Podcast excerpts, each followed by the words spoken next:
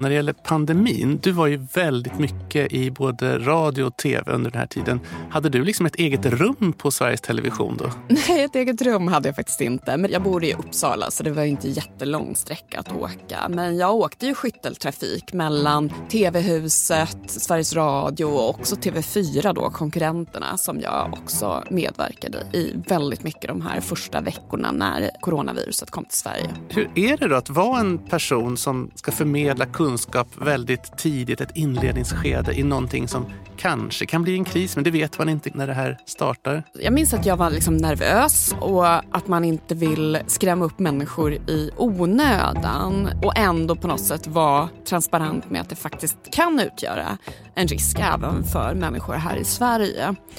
Och eh, som du och jag vet, vi som är forskare, så tar det ju också tid att få fram liksom, evidensbaserad kunskap om hur man behandlar en infektion eller hur man undviker vad det finns för typ av preventiva åtgärder. Så det tyckte jag ju var lurigt att på något sätt informera så mycket man kunde men ändå vara transparent med den ovisshet som fanns. Hej och välkomna in i riskzonen med mig Mattias Öberg. Och med mig Emma Frans. Idag ska vi prata om hälsokriser, precis som vi har gjort i flera av de här avsnitten som vi gör tillsammans med Centrum för hälsokriser på Karolinska institutet. Men idag ska vi prata lite extra om liksom det politiska perspektivet, när det blir kris i politiken. Vilket ju ofta blir när det sker någon annan typ av kris. Politikerna blir ju indragna och de har ju också en väldigt viktig roll att spela när det gäller hanteringen av kriser. Och den händelse som vi kommer att utgå ifrån idag är ju tsunamikatastrofen i Sydostasien 2004 för det är en av de händelser som faktiskt har påverkat väldigt mycket hur det politiska systemet hanterar kriser och hälsokriser av olika slag. Sorgen vilar tung över Blå hallen. I de 1200 uppradade stolarna sitter människor i svarta kläder med allvarliga miner.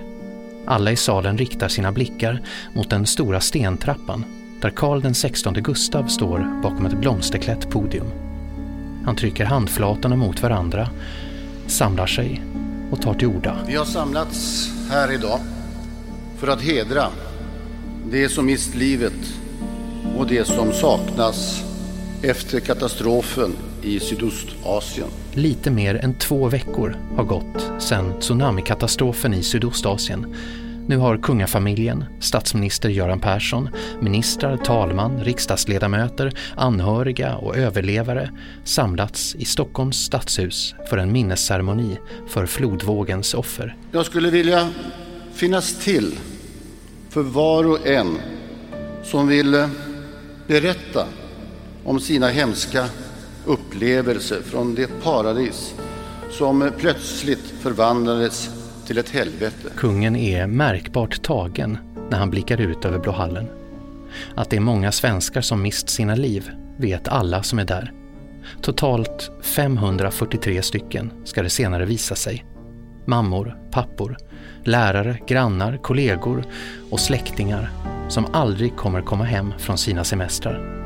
Och över hundra skolbänkar som kommer förbli tomma när vårterminen drar igång. Tänk om jag som eh, kungen i sagorna kunde ställa allt till rätta och sluta berättelsen med att sedan levde de lyckliga i alla sina dagar.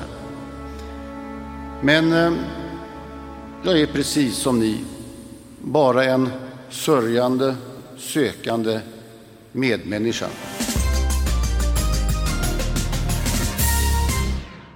Morgonnyheterna sänder extra med anledning av en jordbävningskatastrof i områdena kring Bengaliska viken i Sydöstasien. Strax innan åtta på morgonen sker en jordbävning väster om den indonesiska ön Sumatra.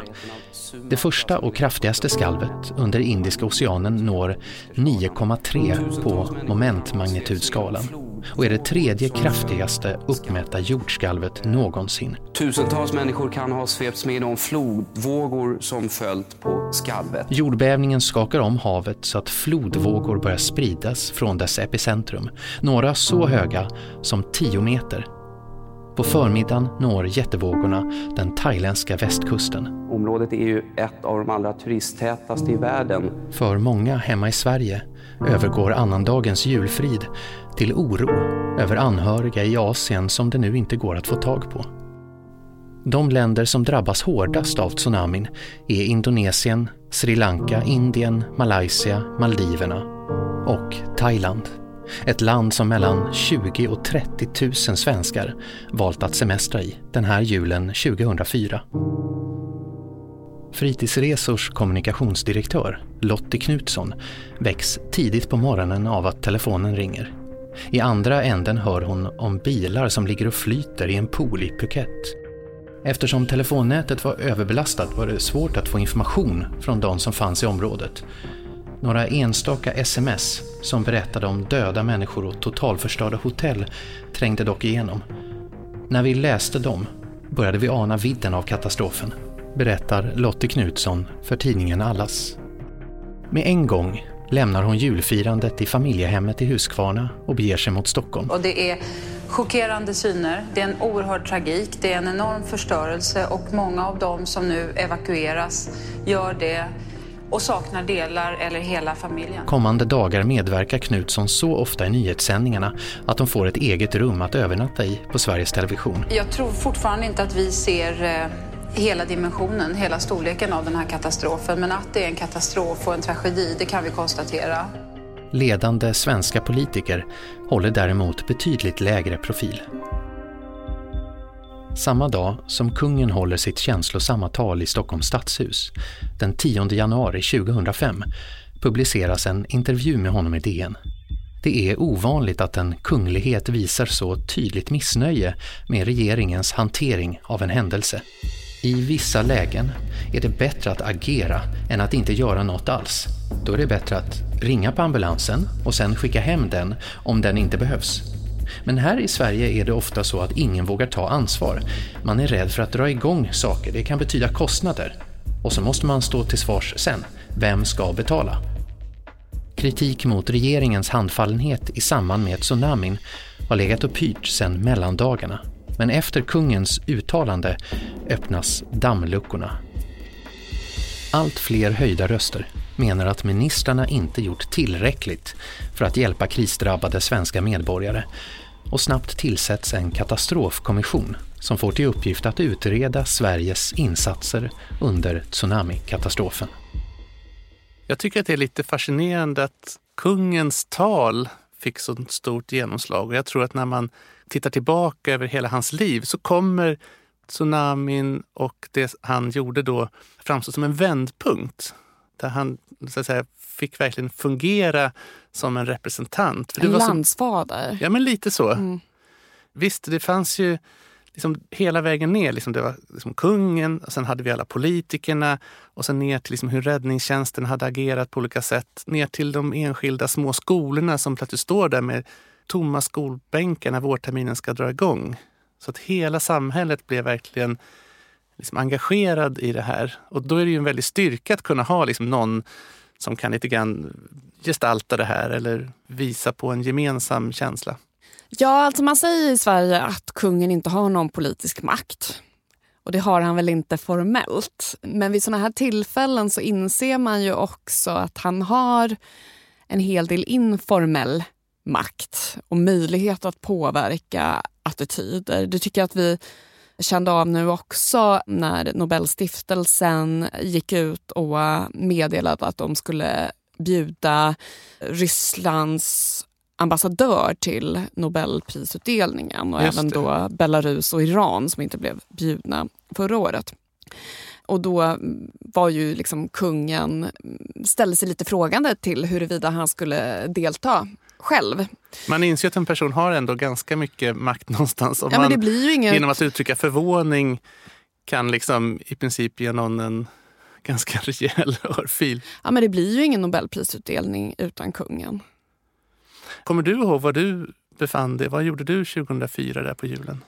Ja, jag var ju nyförälskad och uppe i den bubblan. Jag hade precis träffat min man då. Så att vi hängde väl ganska mycket och såg det här på tv. Och jag tror att man förstod att någonting väldigt dramatiskt hade skett. Och jag tycker ändå att medierna rapporterade det ganska tidigt. Sen så är det ju alltid svårt alltså i efterhand när man får höra de personliga berättelserna om familjer som har splittrats. Föräldrar som har förlorat sina barn, barn som har förlorat sina föräldrar och sina syskon. Det växte ju också, tyckte jag. Mitt minnesbild är att det här liksom börjar väldigt litet. För att man, I början så kunde man liksom inte få hur många bekräftade dödsfall. Det var ju fullt kaos. Så det gick ju inte att bekräfta nästan någonting. Vilket gjorde att de första antalet drabbade var ganska lågt. Det kan nog också ha bidragit till att det, liksom, ja, men det här är nog bara någonting som har hänt långt borta. Det kommer inte egentligen att beröra så många. Utan det är när man förstår att oj, vänta, hur många svenskar är det som är på semester i den här delen av världen egentligen över jul? Ja, men vi pratar ju tiotusentals människor. Ja, och sen så, jag menar, jag vet inte om jag kände till begreppet tsunami när det här hände. Och det tycker jag ju också att man utifrån berättelserna förstår att det var lite svårt att greppa just att en vattenmassa, den här liksom väggen av vatten kunde orsaka som förödelse. Och också de här tidiga tecknen på att det var någonting på gång. De här berättelserna som man hör om att vattnet försvinner. Så att liksom stranden blev torrlagd. Man kunde se fiskarna ligga där på torra land. Man kunde se snäckorna. Och Många tyckte det var ganska häftigt och man förstod inte att det här skulle följas av en stor våg. Eh, så det var ju människor som sprang ut på stranden och plockade snäckor och tittade och sådär. Så kunskapsbristen hos turisterna var också en bidragande orsak tror du? Och kanske även bland lokalbefolkningen för att jag tror kanske inte att de har... Alltså just det här var ju en väldigt exceptionell händelse. Jag vet att andra delar av världen har kanske varit mer flitigt drabbade av tsunamis, till exempel Japan. Och där kanske man hade en större kunskap om hur man skulle agera när vattnet plötsligt försvann. Och Det kanske också bidrog till att man inte riktigt insåg hur dramatiskt det hade varit. För man kanske inte tänker sig att liksom en stor våg ska kunna orsaka så här mycket förödelse. Jag var lite nyfiken på hur såna här kriser påverkar det politiska systemet och hur det politiska systemet interagerar i en kris. Och efter den här tsunamikatastrofen så gjordes det en katastrof kommission där en hel del av kritiken kom att riktas mot statssekreterare, alltså de som jobbar åt olika ministrar och som ofta sköter väldigt mycket av förhandlingarna bakom kulisserna och så. Så att jag intervjuade Maja Fjästad. Jag är docent eh, från KTH från början, numera affilierad forskare på Karolinska institutet. Och jag var statssekreterare på socialdepartementet under pandemin.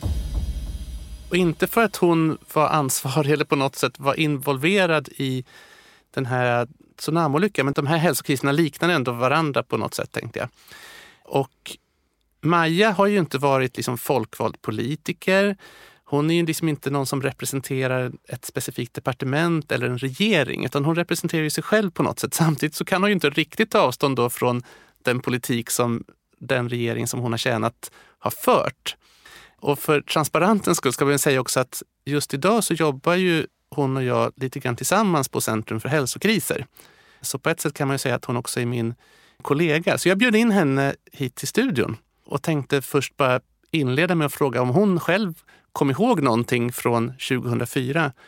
Och den frågan blev mycket mer dramatisk än vad jag hade kunnat föreställa mig.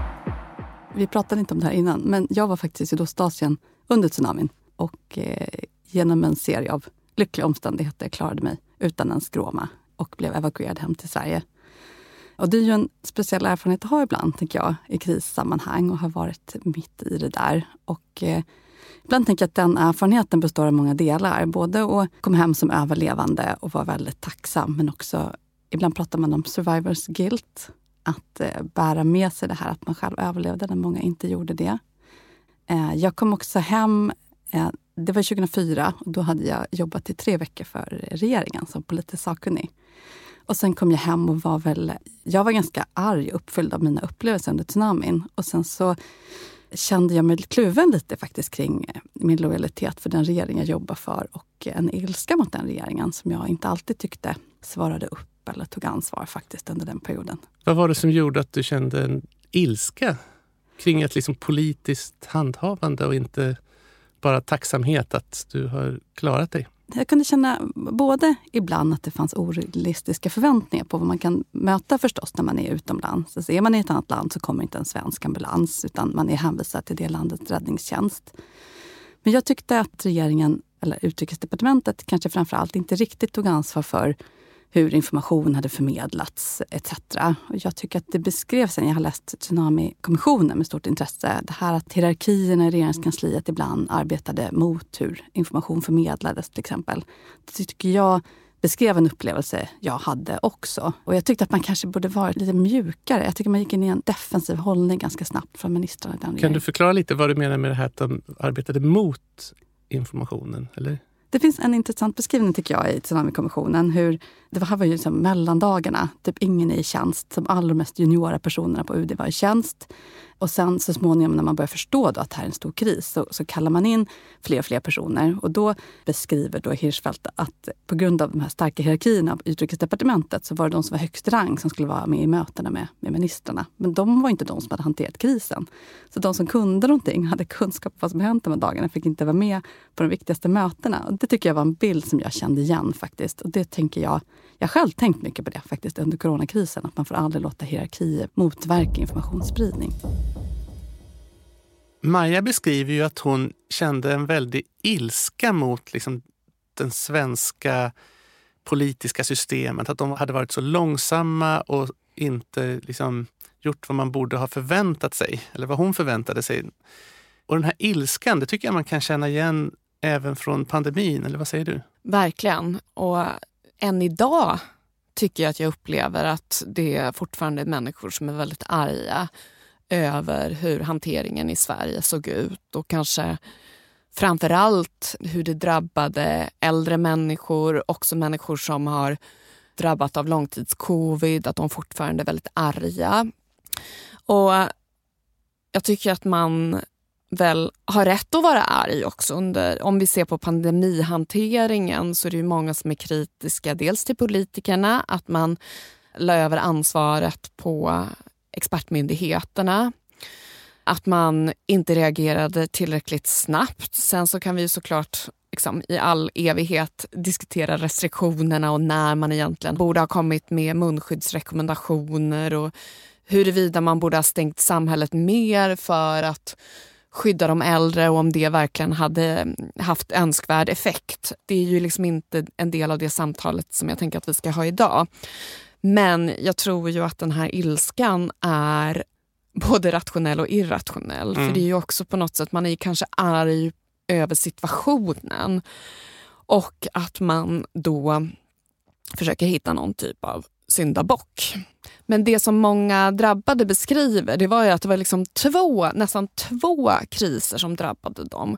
Dels det som hände med flodvågen och dels liksom att de inte faktiskt fick den typ av hjälp. Så att de, hade liksom, de kom hem med två trauman. Det första var ju den liksom fruktansvärda förödelsen som de hade sett med egna ögon, som hade drabbat dem personligen. Döda människor som de hade sett i liksom den kvarvarande förödelsen. Men sen också att det blev liksom ett ytterligare trauma när man insåg att man inte fick den typ av hjälp och stöd från eh, Sverige som man hade räknat med. Det är lite intressant att när Maja själv hamnade så att säga, som offer i en sån här katastrof, hon var ändå på plats och känner den här ilskan mot politikerna. När hon sen då, några decennier senare, själv sitter i den här politiska positionen, då måste hon ju också fatta beslut. Och att inte fatta beslut är ett beslut i sig. Ibland i utländsk media så utmålades det lite som att Sverige hade en slapp coronastrategi för att typ rädda sina företag. Och det är ju inkorrekt. Alltså ekonomiska hänsyn togs inte i de ingrepp som gjordes under coronapandemin. Men däremot mänskliga rättigheter, folkhälsa, frihet. Sådana hänsyn togs ju. Och jag tror att det var en fördel att ha en folkhälsomyndighet som hade ansvar både för folkhälsa och smittskydd. Jag tror att det påverkade faktiskt hur vår respons blev. Folkhälsomyndigheten var väldigt tydlig exempel med att det var dåligt för barns hälsa och inte vara i skolan. Och det skulle jag säga var en bidragande orsak till att vi höll skolorna öppna. Sen är ju den frågan svår. Det tycker jag är någonting som jag tänker mycket på i efterhand. Eh, begränsade man människors frihet för mycket eller för lite? Och den är ju svår. Och hur väger man frihet som ett värde mot liv och hälsa? Liv och hälsa kan inte alltid gå före frihet, men det är klart att liv... Många människor i världen behövde leva med stora frihetsinskränkningar, så även svenskar, för att minska smittspridningen. Så. Det är få av ens utländska kollegor som tyckte att ja, men vad tufft ni hade det i Sverige. Det kan jag ju säga. Men samtidigt har jag ju minnen själv om, det var ju när ska vi se, det var jul och man hade infört de här vaccinpassen. Just det. Och sen så en gammal kvinna i min närhet som hade tagit vaccinet och hade det som liksom ett papperskopia här, någon typ av intyg. Men det var liksom inte inregistrerat på rätt sätt i det här systemet. Och sen så ville hon gå på en julnattsmässa och blir då inte insläppt i kyrkan för att de släpper bara in dem som kan visa upp med rätt app. För det är det enda system de har att kontrollera, menar de. Och där kunde jag ju någonstans känna att det hade personligen känts bra om man hade liksom kunnat ja, men, ha en större mänsklighet. Att liksom mm. förhålla sig till de här riskerna liksom, och göra någon slags bedömning. Samtidigt som jag naturligtvis inser också svårigheterna. Har ett system, vem tar i så fall ansvar för den här och hur mycket läckage är okej? Okay?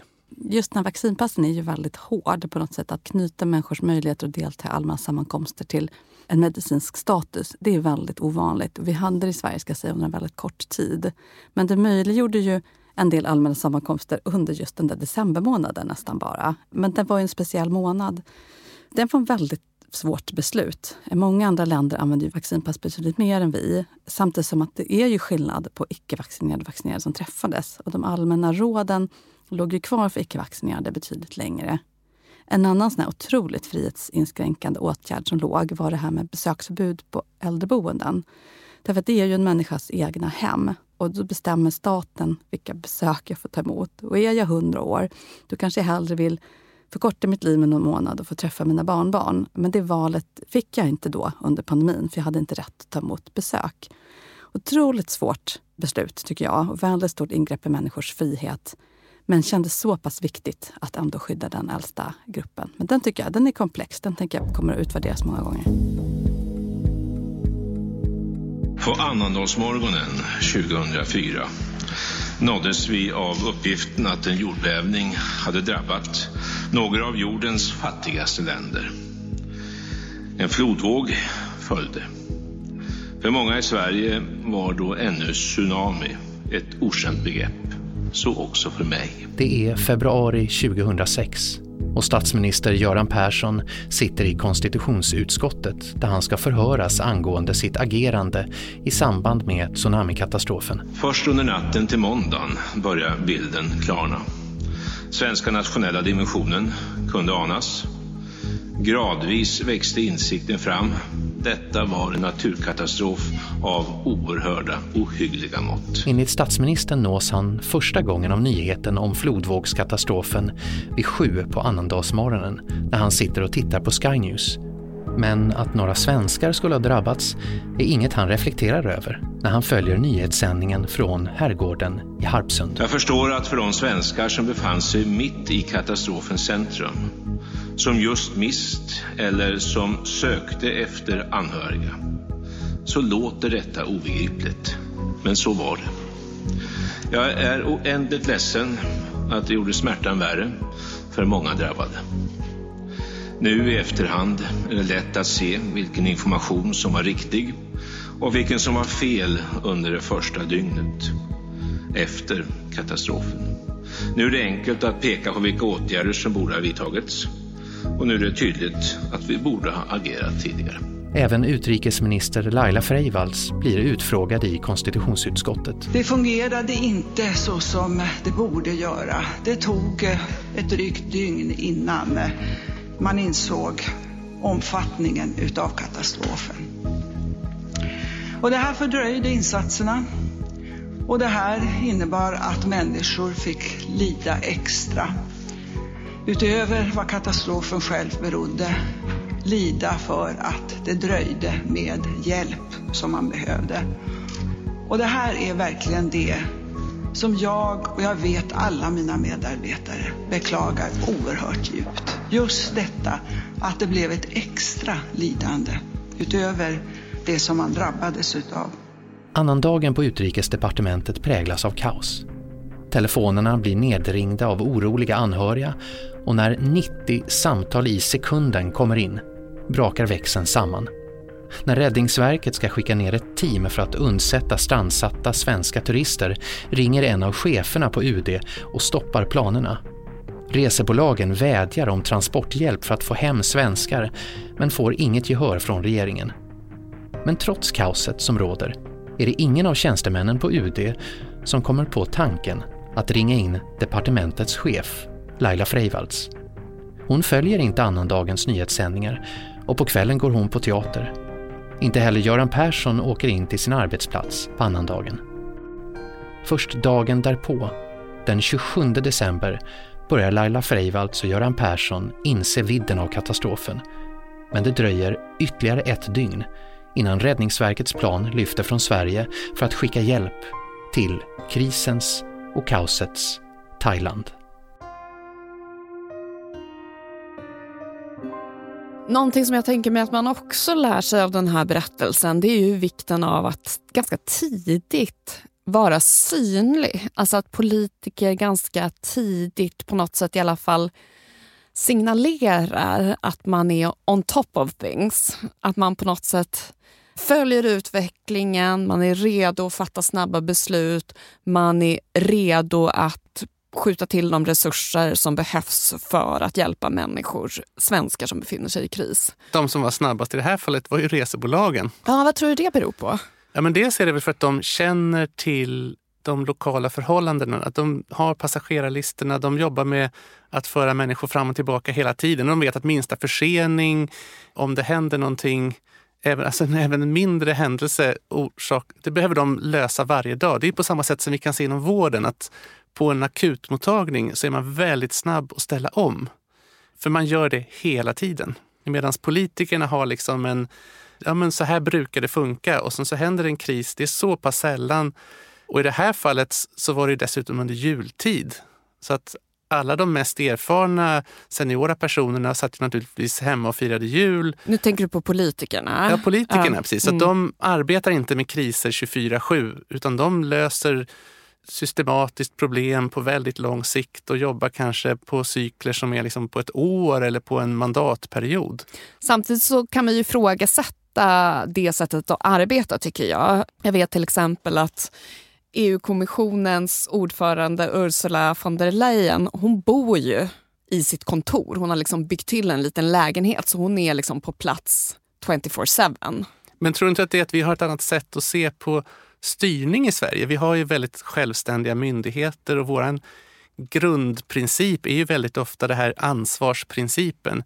Händer det någonting så är det den som är ansvarig i vanliga fall som ska styra och eftersom vi har myndigheterna som verkställer saker så är det också de som ska agera. Och när en kris blir så stor att den måste lyftas till den politiska nivån så är det lätt hänt att de inte riktigt är på plats. Fast samtidigt så tänker jag ju nu till exempel under sommaren så har ju Ulf Kristersson fått väldigt mycket kritik för att han har varit så pass osynlig under då den här, jag vet inte om man kan kalla det en kris, men i alla fall någon sorts lågintensiv krissituation med koranbränningar där Säpo då har höjt hotet för terrordåd i Sverige från en trea till en fyra. Ja, men hade det varit i andra länder då hade det kanske varit någon ansvarig minister som går ut och säger nu har jag fattat beslut om att höja.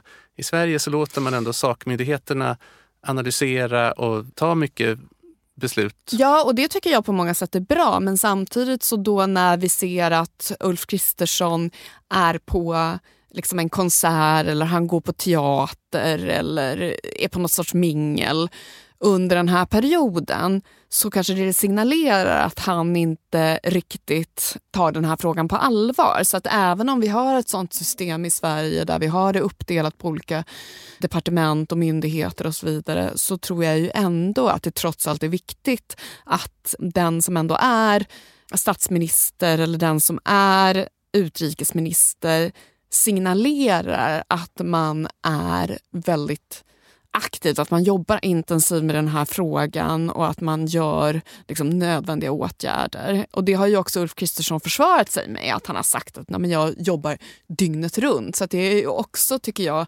något sorts tecken på att man trots allt Alltså han skulle kunna säga så här, nej men idag är jag ledig och det finns andra kompetenta människor som sitter och arbetar med den här frågan nu. Det är ju inte så man säger som politiker utan man vill ju verkligen utstråla att man jobbar hårt med den här frågan. Men under kommunikationen i en kris, jag tänker på under pandemin, då hade de ju de här pressträffarna, var det varje dag? Klockan, var de gång på eftermiddagen? Var det två eller? Gud, tänk att man glömmer, man satt och kollade på det här hela tiden. Ja men det var ju verkligen så, tolvslaget så här, i radio har ju varit länge, men under pandemin så var det så här Folkhälsomyndighetens dagliga pressträff. Verkligen. Och då var ju frågan så här, ska man verkligen som myndighet eller politiker prata hela tiden om att vi faktiskt känner till den här händelsen?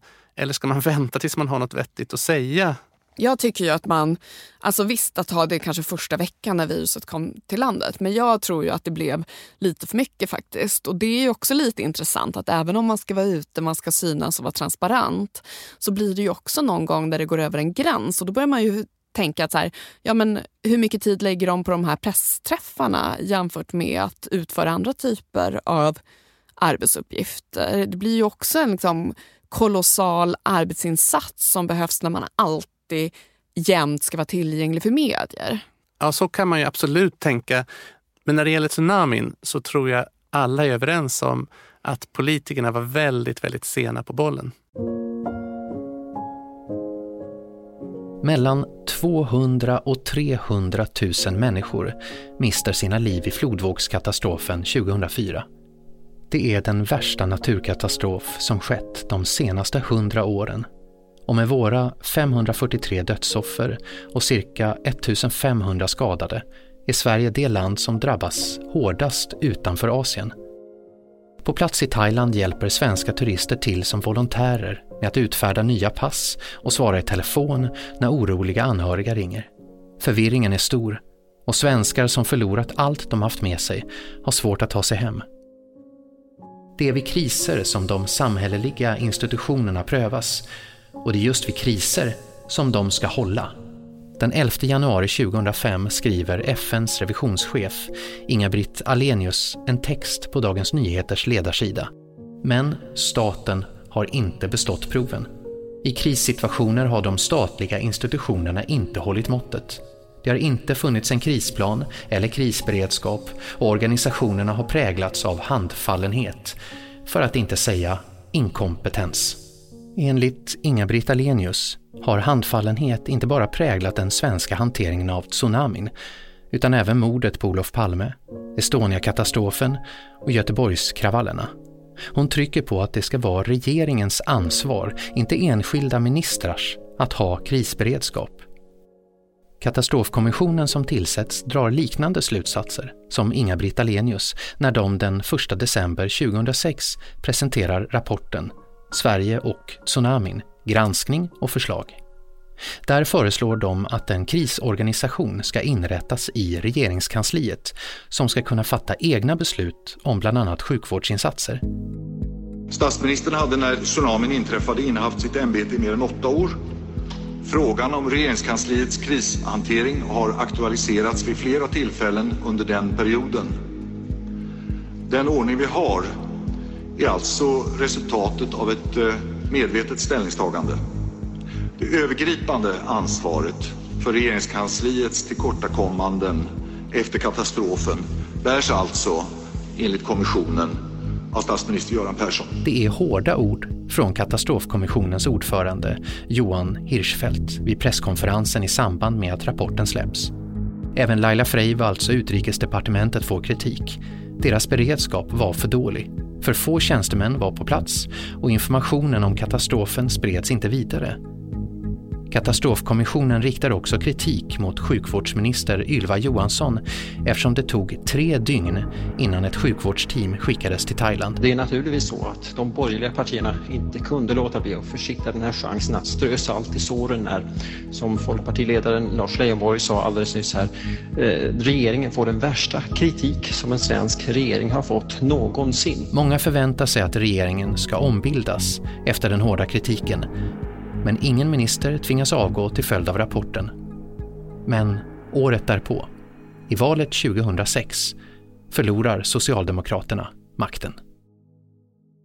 Ja, vad säger du om den här kopplingen mellan tsunamihanteringen och eh, att sossarna förlorade makten? Är det korrelation eller är det kausalitet? Uh, ja, men jag tror att det måste ha gjort det lättare att kritisera regeringen när du fick liksom en en, en opartisk utredning som säger att statsministern var ansvarig och att det ledde till att många svenskar faktiskt dog. Det är klart att det tar ju jättehårt och det är svårt att försvara sig mot också.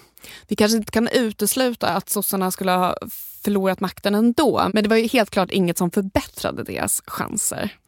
Till följd av den här katastrofkommissionen som gjordes så inrättades också en ny typ av krisorganisation på regeringen. Man hade ju helt saknat någon liksom speciell krisorganisation. Utan nu skapade man ett särskilt kansli för krishantering som lades direkt under statsministern på statsrådsberedningen. Och det där gjordes 2008 då, som en direkt följd av den här kommissionen och deras slutsatser. Jag tycker att man gjort ett väldigt bra lärande efter tsunamin. Ska jag säga. Att man byggde organisationer som liksom går upp i krismode. Som man är van att göra i sjukvården till exempel. är man bra på att göra numera också i förvaltningen. Man skapar det här systemet med MSB och ett system med ständigt höga tjänstemän i jour. Så att man alltid har någon att ringa, vilket också var en av de här sakerna man pekade på från Tsunamikommissionen. Så det finns eh, numera väldigt tydliga sätt när man påkallar krishantering. Det är särskilda grupper som inrättas och särskilda beslutsstrukturer som sätts igång. Kom det här alltså som ett resultat av den här stora flodvågen? Ja, regeringskansliets eh, krisorganisation gjorde om efter det. Var det något annat som ändrades också? Du nämnde MSB. Ja, man inrättade MSB. Man inrättade det här att alltid finns en omvärldsbevakning i regeringskansliet och att det finns en särskild eh, krisorganisation. Och det tänker jag var en väldigt nyttig lärdom. Sen är risken alltid det här att man är ja, men du vet, man är så förberedd för de kriser som har varit. Jag tänker att så här, det finns inget man är mer förberedd på än en tsunami i, i Thailand. I Thailand för att man har ständig så här, övervakning av vågor, man har full koll på vilka konsulära grepp man behöver vidta. Sen är det alltid någon annan kris som händer. Så det. här tänker jag liksom är en sån här kärnfråga som vi har varit inne på tidigare. Hur mycket kan man egentligen förbereda sig på det oförberedda? Lite svarta svanar. Vi har ju pratat om de svarta svanarna i tidigare avsnitt. Och här är det ju, liksom, tror jag, viktigt att komma ihåg att ja, det finns delar av krisberedskap som man faktiskt inte kanske kan förbereda sig på. Men samtidigt så finns det ju också en hel del gemensamma aspekter av kriser. Det här att man måste komma ut med information, man måste visa att man från politiskt håll faktiskt är insatt och att man är redo att agera när det behövs. Men eh, också vilka samhällssektorer som verkligen måste fungera. Vi har pratat om rent vatten, ja. hälsovården, känsliga grupper är ju väldigt lika också. att Vissa grupper är mer sårbara. Och att man inte liksom arbetar i sina stuprör bara. Att det finns kommunikation. Man vet vilka som gör vad men att det också finns kommunikation mellan de olika aktörerna i samhället. Att man har samordning av vården till exempel. Och det var ju också någonting som man kritiserades för under pandemin, att man hade liksom inte tillräcklig samordning. Och det tänker jag just att samordning, det är ju någonting som är viktigt vid alla kriser. Efter tsunamin så lärde man sig då att vi behöver samordna inom regeringskansliet. Det jag tror kommer att bli en skillnad efter pandemin, på några års sikt, så kommer det nog vara fokuset på samordningen mellan regionerna. Just det. För det var någonting som vi absolut inte hade innan och som vi nu har sett att oj, det är ju jätteviktigt. Vi kan eh, vara varandra till tröst och stöd i livets svåraste skeden. I sorgen då hopplösheten tycks ha ett eh, fast grepp om varje minut. Låt oss då lägga våra masker åt sidan och våga vara medmänniskor. Ja, men oavsett vilken typ av kris som en regering ställs inför så innebär ju en kris i samhället också någon typ av kris i politiken. Absolut, och det är ju också en utmaning för politiker att på något sätt liksom å ena sidan signalera handlingskraft och å andra sidan inte göra någonting dumt som förvärrar situationen ytterligare. Klarar vi det kan ur det hemska som har hänt växa en ny tillvaro, ett nytt hopp, en ny gemenskap och en ny tillförsikt om framtiden. Du har lyssnat på Riskzonen med mig, Emma Frans. Och med mig, Mattias Öberg. Och det här avsnittet gör vi i samarbete med Centrum för hälsokriser vid Karolinska institutet. Vår producent heter Klara Wallin. Vår inläsare är Peter Öberg. Och det här avsnittet har vi spelat in på Beppo. I nästa veckas avsnitt så kommer vi att prata om när rädslan för krisen också blir en del av själva krisen. Och hur det mänskliga psyket fungerar under och efter en katastrof.